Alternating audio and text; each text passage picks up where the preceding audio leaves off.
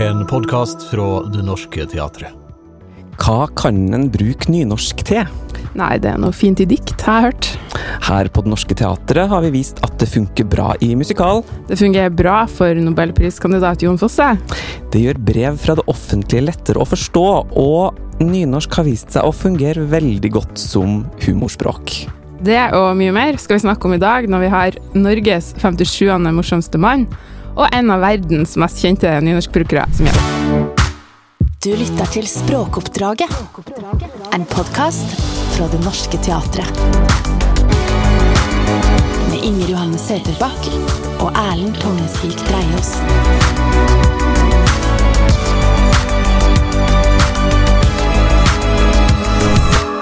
Hjertelig velkommen til språkoppdraget, Are Kalve. Eh, tusen takk. Er du enig i karakteristikken? en av verdens mest kjente nynorskbrukere? Ja. ja, så sannsynligvis er jeg jo det, i og med at det er veldig få verdenskjente nynorskbrukere. Unntatt tidligere nevnte Jon Fosse, er vel det nærmeste du kommer, vil jeg tro. Så jeg er nok på topp eh, 50, vil jeg tro. Du er faktisk mer kjent som nynorskbruker enn eh, Altså, ja, du, du ligger bedre an der enn på den morsomste mannlista. Ja, Ja, for der er jo det konkurranse fra mange flere Ja. enn det på nynorskfronten. Ja. Du, Vi har et fast spørsmål vi alltid starter med, og det er å få gjesten til å fortelle oss hva slags språkbruker du er. Ja, veldig sjelden jeg ser på meg sjøl først og fremst som en språkbruker, men jeg innser at jeg er jo det. Eh, en en eh, profesjonell, eh, fleksibel, tøysete og på grensa til Altså avslappa på grensa til slapp språkbruker. Ja, jeg er ikke så opptatt av å bruke språket sånn som det skal brukes, men sånn som, det, sånn som jeg syns det passer med, er viktigere. Du er sånn anarkist på rettskriving, det det En, en avslappa anarkist, det, det, er et, det er ikke et opprør som gjør det, men jeg skriver sånn, sånn som jeg syns passer med, ikke sånn som det passer de norske ordlista av og til. Nei, det høres jo avslappende ut, på en måte. Gjør det skrivinga di lettere? Ja, jeg tror det er nå, tror jeg er det. Eh, når, for nå eh, jeg rolig på at det er lurt å gjøre, eh, men eh, før så har jeg vært mer usikker på om kan jeg gjøre det, det greit, og blir folk sure, og det blir jo noen. Eh, men sånne folk kan en jo ikke tenke på. Men du har gjort det før, de med andre ord. de som, eh, som er mer opptatt av rettskriving enn deg. Det jeg, vært- jeg, jeg var jo mye mer korrekt i språkbruken eh, i starten av karrieren min enn jeg er eh, nå, og, og syns at det Eller trodde at det var viktig å være det. Så har jeg skjønt at det er ikke så viktig. Og noen eh, blir sur for det. Eh, men det er færre og færre av dem. Jeg begynner å lure på om de holder på å dø ut, rett og slett. Men eh, jeg fikk mye mer reaksjoner før, eh, og alltid fra nynorskfolk som eh, med påfallende lite humor påpekte at det er ikke sånn det verbet skal bøyes, det er ikke sånn det ordet skal staves. Eh, Så da eh, bestemte jeg meg for at disse folka her vil jeg jo ikke ha på mitt parti, så eh, da skriver jeg sånn som jeg syns eh, ser og høres best ut for meg. Du har en dialekt også. eh, Det var en del også av språkbrukeridentiteten din, antar jeg?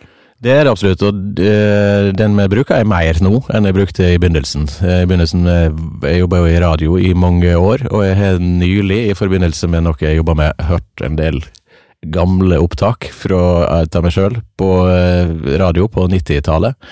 Og da prøver jeg å snakke normert nynorsk, når du da skal være litt sånn eh, slentrende vitsemaker, så høres det veldig, veldig rart ut. Eh, Så jeg er glad for at jeg slutta med det. Eh, Så jeg, nå bruker jeg dialekten mi. Det er den det er mest naturlig for meg å snakke med. Så eh, det fungerer best. Men du, hva var det som gjorde at du normerte talespråket ditt? Var det en forventning fra andre, eller? Jeg jobber jo i Norsk Rikskringkasting, og da skulle du gjøre det. Du skulle snakke eh, normert eh, nynorsk. Etter hvert så begynte jo NRK å slappe av litt på at det det var greit, egentlig, at hvis det bare var nyhetsoppleserne som snakka korrekt bokmål eller nynorsk, så kunne vi andre som drev med underholdning og fjas, eh, være litt mer avslappa på det. Etter hvert er jo til og med nyhetene blitt avslappa på det, så nå eh, er det jo total oppløsning.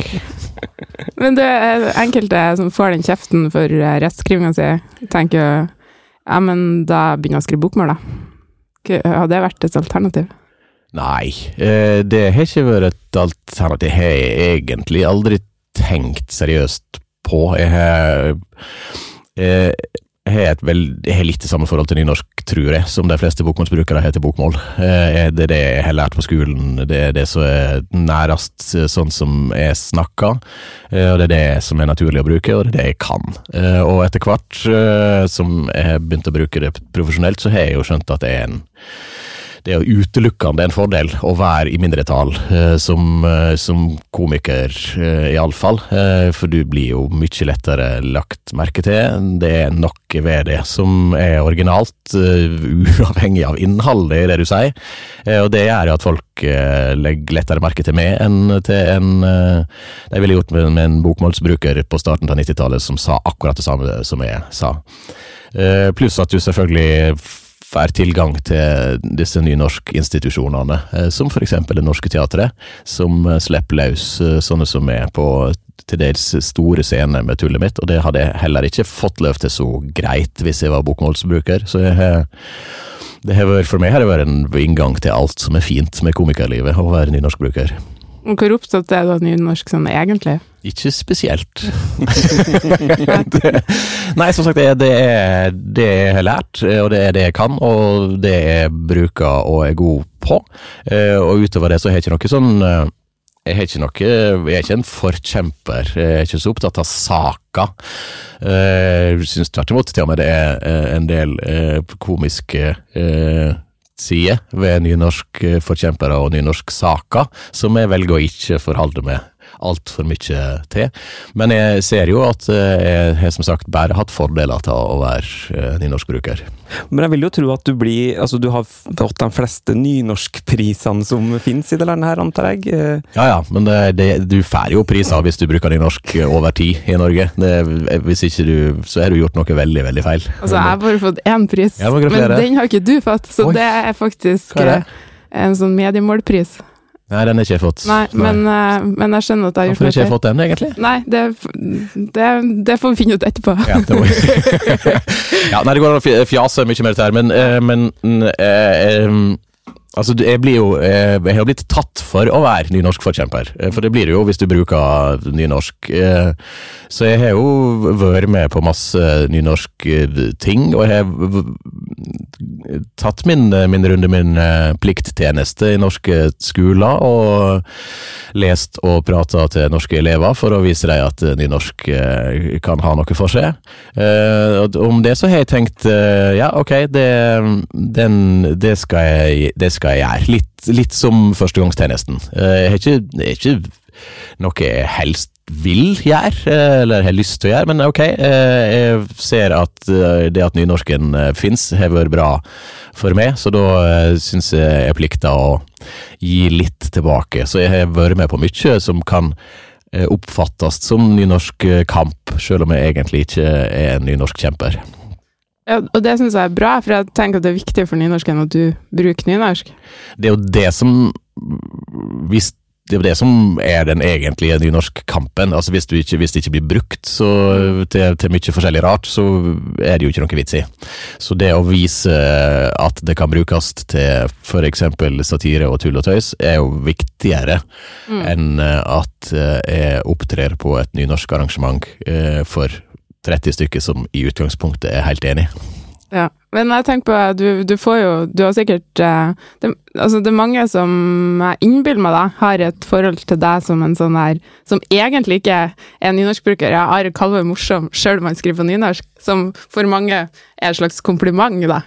Eh, så jeg regner med det har blitt noen sånne særoppgaver på ungdomsskolen. Veldig mye, sånn. veldig mye særoppgave, eh, og dermed har jeg prøvd å eh, bidra og svare på spørsmål eh, og være hyggelig. Eh, unntatt til disse her som Eller jeg svarer dem med, de som skriver sånn jeg skal, skal skrive en særoppgave. Eh, har ikke lest noen av bøkene dine, skal levere i morgen. Men, eh, Ja, hva svarer du da? Du kan ta det til alle sammen. Og, og, Så er ferdig med det. Eh, da svarer jeg eh, jeg driver med, det, er sant, det er sannsynligvis noe satire og ironi eh, inni der. Eh, og så eh, kan du sannsynligvis forstå ut fra titlene på bøkene hva de handler om. Eh, det er det eneste du rekker. Lykke til. Yes. Det, det, det, det synker så djupt, altså. Det, Nei, men jeg, har jo, jeg må jo innrømme at noe i meg har litt sans for eh, den eh, frekkheten Ja. eh, som ligger i det, og jeg tror at eh, de som skriver en sånn e-post til meg, er folk det kommer til å gå bra med seinere i livet. ja, hva, er det, hva er det ved personlighetstrekkene du Nei, altså øh, Litt sånn øh, Altså pågangsmot. Litt for seint pågangsmot, men og, og en viss grad av frekkhet som jeg syns er, er litt, litt stilig, må jeg innrømme. I stedet for å bare legge seg ned og si nei, nå rekker jeg ikke det, jeg skal levere i morgen. Så nei, jeg skriver til han og spør, og så da syns jeg det er tøft hvis de får svar, og klarer det. Men du sjøl virker jo ekstremt strukturert, må jeg si. Du er jo, er jo enormt eh, produktiv. Hva er det, 14 bøker, skrev masse teaterfremsyninger. Ah, Før skrev du i Aftenposten hver helg, gjorde du ikke det? Kåseri. Jo. Og drev med Hallo i uken i 16 år. Skrev sketsjer hver uke. Mm. Hvordan jobber du? Jeg jobber eh, sånn som, sånn som folk flest jobber, tror jeg. Eh, Standup, går på kontoret, så sitter jeg der eh, fra sånn cirka åtte til cirka fire, og så går jeg og spiser middag. Greier du å sitte da Sitter du ved PC-en eller Mac-en og, og skrive, og greier du å være så strukturert? Eh, ja, det, det er ganske god eh, på. Og så uh, tror jeg jo det er en fordel å uh, Jeg har ikke noe trua på dette her eh, å være litt på jobb uh, hele tida, at du alltid går og tenker på et eller annet. Det tror jeg ikke er Det funker iallfall ikke for meg, for da er jeg ikke helt på jobb eller helt til stede der jeg ellers skulle være. Så jeg prøver å jobbe når jeg jobber, og så tenker jeg på helt andre ting når jeg ikke jobber. Eh, Som jeg også tror fører til at jeg får andre ideer enn jeg ville ha fått hvis jeg gikk og tenkte litt jobb hele tida. Jeg sitter ikke, sitter ikke pal ved Mac-en eh, fra åtte til fire, det gjør jeg ikke. Jeg, går mye, veldig mye gåing, eh, og til dels eh, snakker jeg høyt med meg sjøl på kontoret, eller ute i gatene. Ja, for å teste ut ting, Ja, eller? for å høre hvordan Få respons? det- hvordan det høres Ikke for å få respons, det får jeg lite av. Nei, for å høre hvordan det høres ut, rett og slett, så må jeg ofte si ting eh, høyt. For å Uh, Selvfølgelig, hvis det er ting jeg skal framføre sjøl, uh, så er det lurt. Men også hvis det er ting jeg skriver for andre, eller hvis jeg skriver uh, Hvis det er bok eller teater, eh, så er det jeg er ofte bedre om, om jeg syns det funker, hvis jeg har sagt det høyt ute i rommet for meg sjøl. Mm. Men jobber du annerledes med det som skal være eh, ren tekst, enn det som skal framføres? Ja, det gjør jeg. Jeg jobber jo for så vidt likedan, men altså, det, er jo, det er jo forskjellige ting å skrive for, for framføring, og skrive for at det skal leses ta andre. Eh, altså, hvis du les manuset til ting jeg sjøl framfører, så er det setninger som ikke går opp i det hele tatt, men som, som høres bra ut uh, når du sier dem uh, live. Eh, og Det er rett og slett fordi at jeg veit hvordan jeg skal si det, men skriftlig så ser det jo ut som et kaos. eh, men eh, så, det, så det er forskjellige ting. Eh, så det, store forskjellen er vel ting som jeg skal framføre sjøl, og alt det andre, tror jeg. Mm. Eh, for eh, når jeg veit at jeg skriver for framføring, og jeg veit hvem jeg skriver for, nemlig meg sjøl, så uh, veit jeg en del ting som jeg ikke veit om de som skal eh, lese det jeg ellers eh, skriver. Så da må jeg disiplinere meg sjøl og tenke at denne setninga her må eh, være forståelig også for andre folk. Ja, men når, skriver du for andre komikere for framføring? Det eh, har hendt, eh, ikke mye, men jeg har gjort eh, Jeg jobba litt med eh, en god del med Dagfinn Lyngbø, for eksempel. Som, som er veldig lærerikt å jobbe for, å skrive for andre, noe som skal være morsomt. Eh, og da når jeg skriver eh, for han, så hører jeg jo stemma hans og ser for meg forma hans. Eh, og så eh, tror jeg jo jeg drar han et lite hakk nærmere min form, og så lærer jeg av hans form, så blir jeg litt likere han, og så møtes vi alle på midten, og til slutt så er alle norske komikere Ja. helt like. Det er fare, det. Men hva er Are Kalves i form, da? Hva er når du skal skrive en vits eller en del til en scene, noe du skal framføre sjøl? Jøss, nei, det, det, det um, Nei, det er jeg ikke helt sikker på eh, lenger. Eh, som sagt så har jeg, jeg, jeg hørt eh, noen gamle opptak av meg sjøl i det siste, og jeg, jeg hadde jo mye mer ei klar, uh, tydelig form for 20 år siden. Da var jeg en det som, det som briten kaller deadpan-komiker. Altså jeg sto rett opp og ned uten uh, mimikk, uten uh, variasjon uh, i tonefall, og, og uten å bevege meg, og snakka eh, rett fram, nokså tørt, eh, og, og nesten alltid eh, ironisk. Eh, som jo er ei veldig tøff form som jeg liker eh, og, og beundrer når jeg ser andre gjøre det bra, fordi at det er så, det så reint. Altså, du har ingenting å støtte deg på. Hvis ikke det du sier er morsomt nok, så er du ferdig. Eh, men nå jo, driver jeg jo med mye mer. Nå kan jeg jo være begeistra på scenen, nå kan jeg rope og skrike på scenen, nå kan jeg danse på scenen. Så jeg har jo jeg har jo forandra noe. Jeg er ikke helt sikker på hva som er forma mi, bortsett fra at eh, den forhåpentligvis fremdeles er morsom. ja. Men det virker som den muntlige og skriftlige ligger ganske nært eh, sammenfletta hos deg, da, når du skriver for deg sjøl. Hvordan jobber du med liksom, å finne rett ordene? Flikter du mye, eller er det liksom Nå er det ferdig skrevet? Nei, jeg flikker mye før jeg skriver, eh, hvis, det, skal, hvis det er ting jeg skal framføre sjøl. Derfor Ja. jeg går og snakker høyt eh, for meg sjøl. Så jeg har som regel først både tenkt nokså grundig gjennom hva jeg skal hva jeg vil og hva jeg skal, eh, og disponert, som, som vi lærte på skolen, eh, for at jeg ikke skal eh, gå meg vill i, sidespor, som jo er noe av forma mi. Det skal være eh, digresjoner, eh, men jeg skal jo ende opp en plass eh, som jeg helst vil ha klart for meg når jeg begynner. Så jeg har eh, tenkt eh, og disponert og prøvd ut forskjellige versjoner eh, høyt i rommet før jeg setter meg ned og skriver et eneste ord. Så når jeg først skriver det, så da veit jeg i nokså stor grad at jeg er på rett vei. Um, og så hender det jo at det dukker opp forandringer mens jeg skriver, og da er det på sånn uh, enkeltordplan, som jo er noe av det jeg syns er morsomst med å skrive sånt som jeg skriver. Uh, og som er sånn ting som jeg kan sitte og snakke med, med komikerkollegaer. Altså et tall er morsomst hvis du skal overdrive? Ja. Er det, er det morsomst å si 1000, eller er det morsomt å si 43? Mm. Eh, og det er begge deler morsomt, men på forskjellige måter. Kjem på hva du vil oppnå. Eh, og så, sånne ting eh, kan jeg bruke veldig mye tid på Ja. eh, i, eh, når jeg egentlig er ferdig på å velge et litt morsommere ord i akkurat den setninga. Jeg tror det er en ting eh, en del eh, komikere bruker for lite tid på. ja, at man eh, henger seg opp i detaljene for tidlig, kanskje? Ja, det med, det med kan hende, og at en ikke og at en, Det er jo lett å gå for Det er en fare med, med, med det med å skrive humor, er jo at eh, hvis du flikker for mye, så blir du jo lei.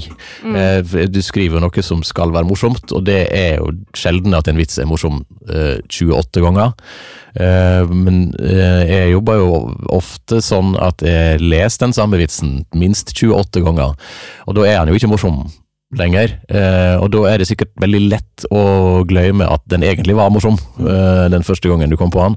Og da er det nok lett å bare stryke han og gjøre noe annet i stedet. Mm. I stedet for å stole på at ja, denne ideen var morsom, og så heller flikke på ordvalget for å gjøre den enda skarpere, eller enda rarere, er Mm. vel det jeg ofte leter etter. Ja. Eh, at det skal det skal smelle, og folk skal le og bli overraska, og det kan det bli av at det var et rart ord eh, i en vits som folk ellers sikkert ville sånn humra av, men som kan eh, få folk til å le høyt hvis det er et, et rart ordvalg i, eh, i punchline. For det er noen, eh, noen ord er jo morsommere enn andre.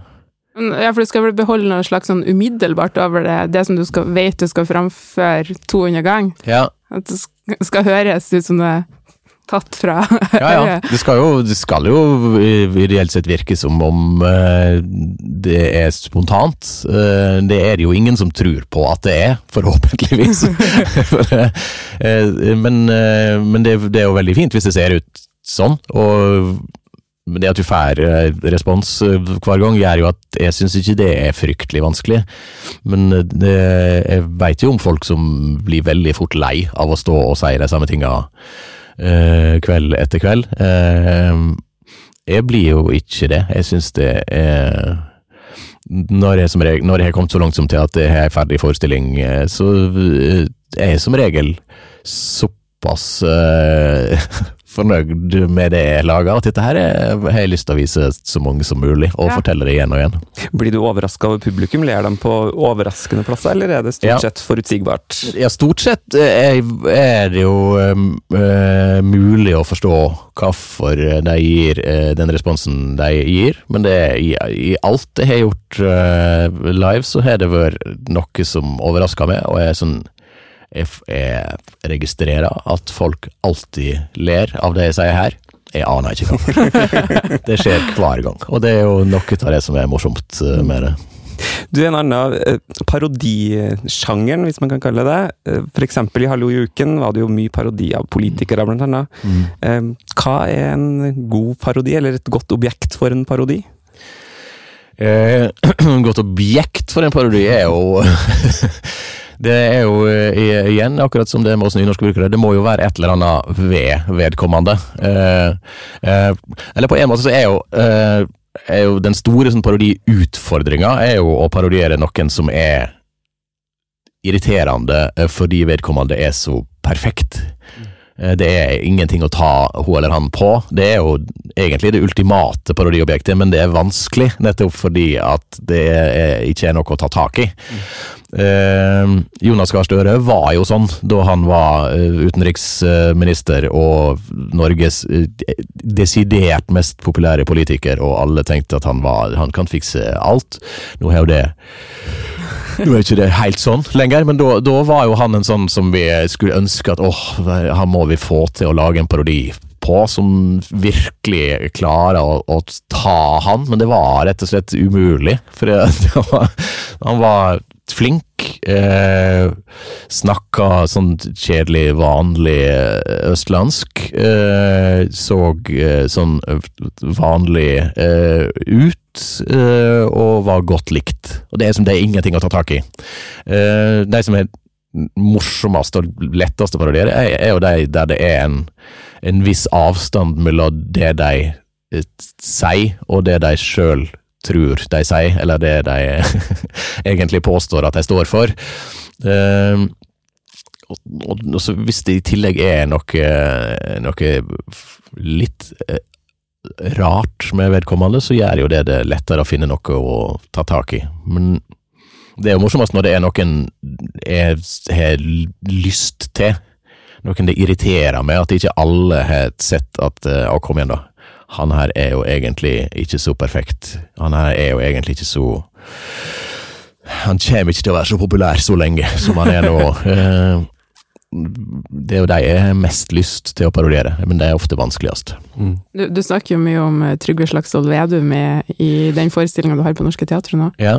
Og det, han er jo ikke lenger så populær som han var. Nei, han er jo ikke, når jeg begynte å skrive dette, her, var, han jo, var Ja. jo han virkelig i den kategorien. Altså, kom igjen da, folkens, dere må jo skjønne at, eh, at dette her ikke kommer til å vare, og at det er ikke så enkelt som å drikke kaffe og si at alle i Oslo eh, tilhører eliten. Det så, dette må vi gjennomskue snart. Eh, og nå har jo folk gjennomskua det, så nå er det mindre Slagsvold Vedum eh, i forestillinga. Oh, ja, det- ja. Demper det litt. Nå er, nå er ikke det så morsomt som det var da han var litt for populær. Nei, sant. Hva har språk og stemme hos folk å si når du skal parodiere, da? Jeg syns jo det er eh, morsomst når parodien ikke Den trenger ikke å være lik eh, originalen, for min del, eh, men den eh, må treffe et eller annet som gjør at du kjenner igjen vedkommende, men det kan være eh, Altså, jeg liker parodier som er en lyd, eh, og at den lyden klarer å oppsummere en person, eh, det syns jeg kan være noe av de mest sånn drepende parodiene. Det er jo en slags Det er jo det samme som karikaturtegnere gjør. Altså, du forstørrer én ting, og så eh, overser du alt annet ved eh, vedkommende. Og De parodiene er jo de morsomste, og de trenger ikke å ligne i det hele tatt, men folk tenker ja, det er hun. Gi oss noen eksempel, da.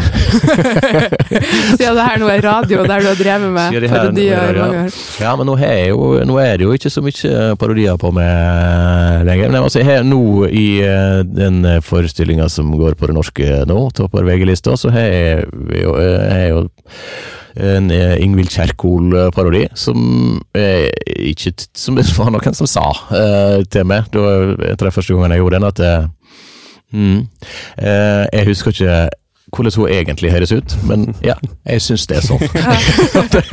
Er det en lyd, da, eller? Da ble jeg glad. Ja, hun begynner med et kremt. Jeg vet ikke om hun eh, kremter, men det, det er et kremt som gjør at hun er, hun er usikker, og at hun skal åpenbart lese et eller annet som Ja. er skrevet ned. Dette her er ikke noe som kommer spontant. Det sier det kremte, og det kremte ler folk av, og det blir jeg veldig glad av. Når hun tar på seg, tar på meg et par briller og sier så, så ler folk og kjenner ja, det er hun. Ja. Da blir jeg veldig glad. Og i stad, altså mm, eh, Hva heter det? F eh, helseminister, Kjerkol er helseminister. Eh, Før var du Bent Høie, og Ja. han var med i altså, Da du begynte å spille den forestillinga, så var det Bent Høie, og da brukte du hans uttale av Folkehelseinstituttet som Ja. et slags utgangspunkt for en parodi. Ja, det er fortsatt, fortsatt med, eh, men eh, så, så vidt. Men eh, Ja, eh, han er jo eh, en type som er takknemlig å parodiere. Eh, spesielt i den perioden han var helseminister og nesten daglig brukte ord som han ikke klarte å uttale.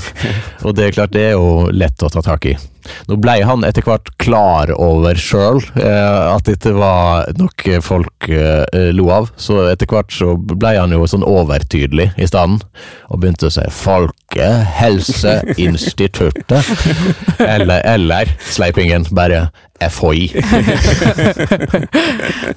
Ja, han hadde jo noen, eh, en taleskriver, sannsynligvis, som skrev sånne veldig sånn poetiske ting med korte setninger. Ja, Litt sånn Trygve Skaug-aktig. Så. ja, ja. Don't get me started. Du har jo hengt rundt eh, på det teateret her i, i overkant av 20 år eh, nå. Ja, har ikke bare hengt rundt. Nei da, du har gjort en del ting. Du har Mm. skrevet flere musikaler, to eh, forestillinger du har vært i sjøl. Mm. omsett to musikaler. Mhm. Eh, og for mange, The Book of Mormon er en av dem du har gjendikta til norsk. Mhm. Um, og start med den, da. Den omsetningsjobben, The Book of Mormon. Hvordan greip du han den? Hvordan var det?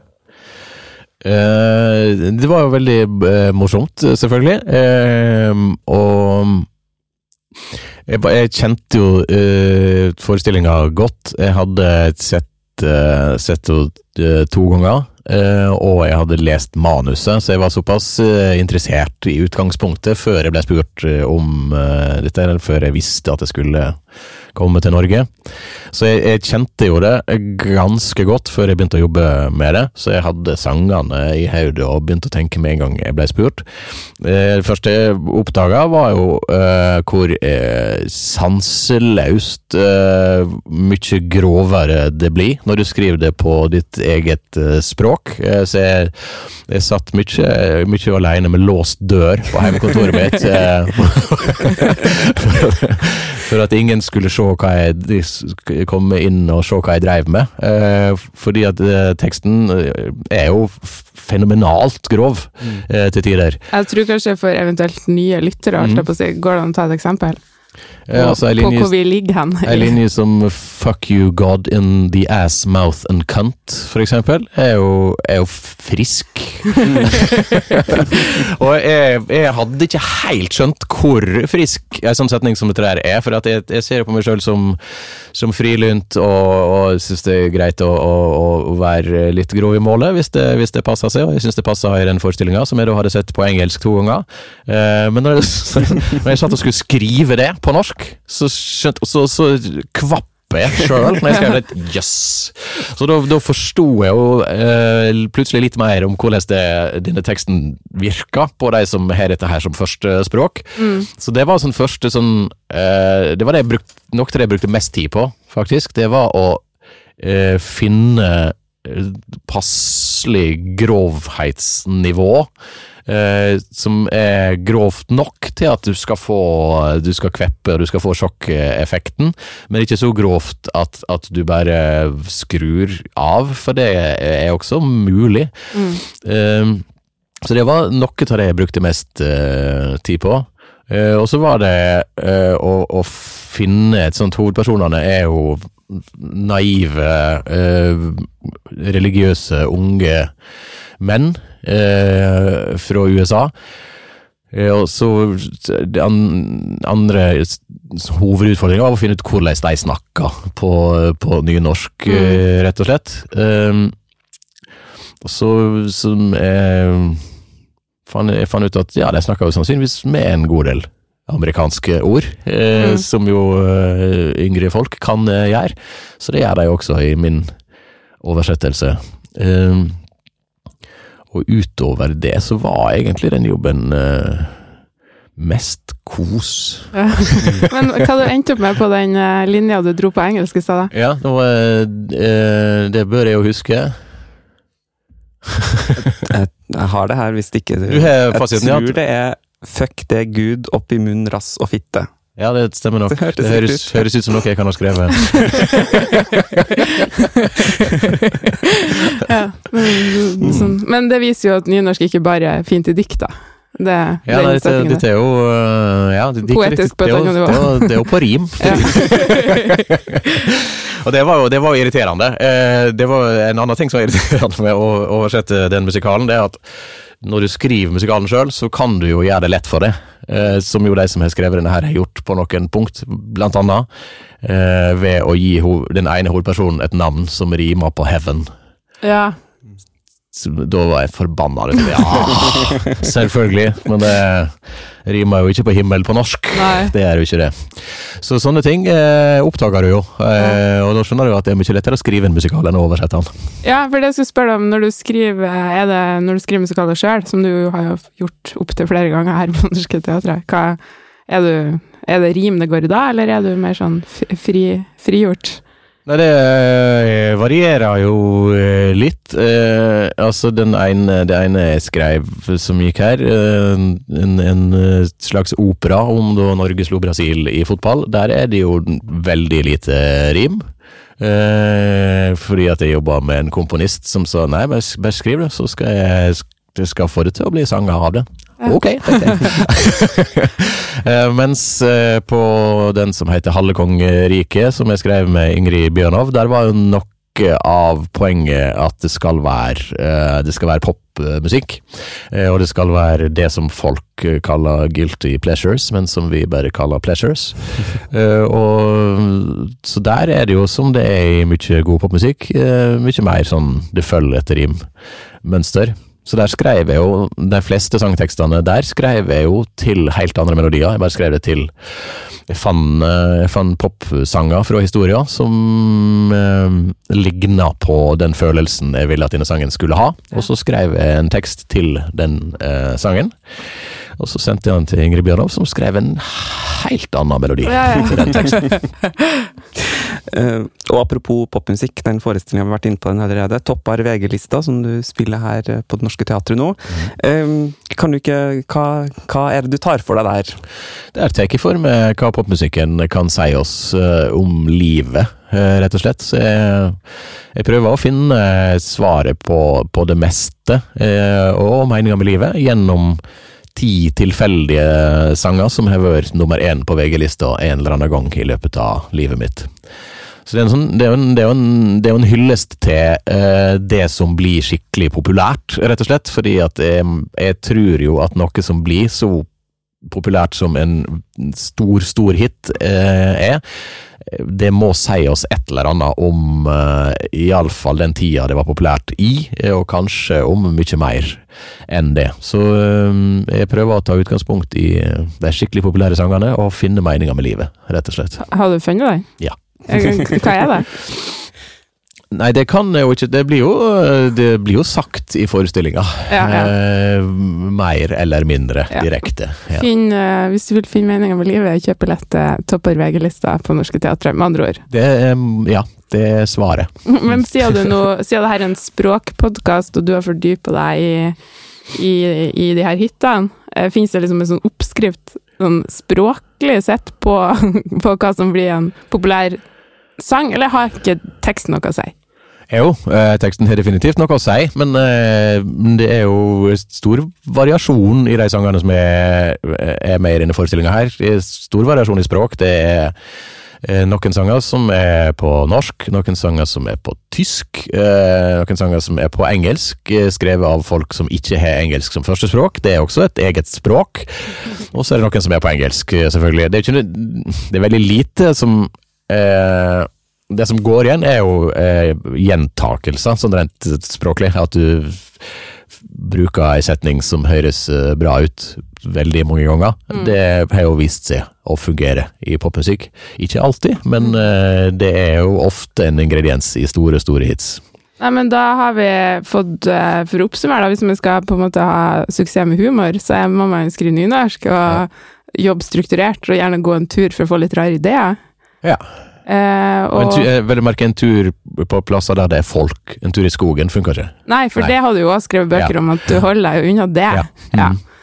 Em, til slutt så bruker vi å spørre gjesten om gjesten har et favorittord. Så hva er ditt favorittord, Are Kalve? Jeg er veldig glad i uh, ordet uh, og innholdet i ordet raus. Yes. Det var fint. Raust av deg å dele det og alt annet med oss. Eh, takk for at du kom. Eh, Takk for at jeg fikk komme, det var eh, stas. Bli med i samtalen. Send inn dine spørsmål og kommentarer til sprakoppdraget krøllalfa denorsketeatret.no. Produsent er Ole Herman Andersen. Flere podkaster fra Det Norske Teatret finner du i podkastappen din.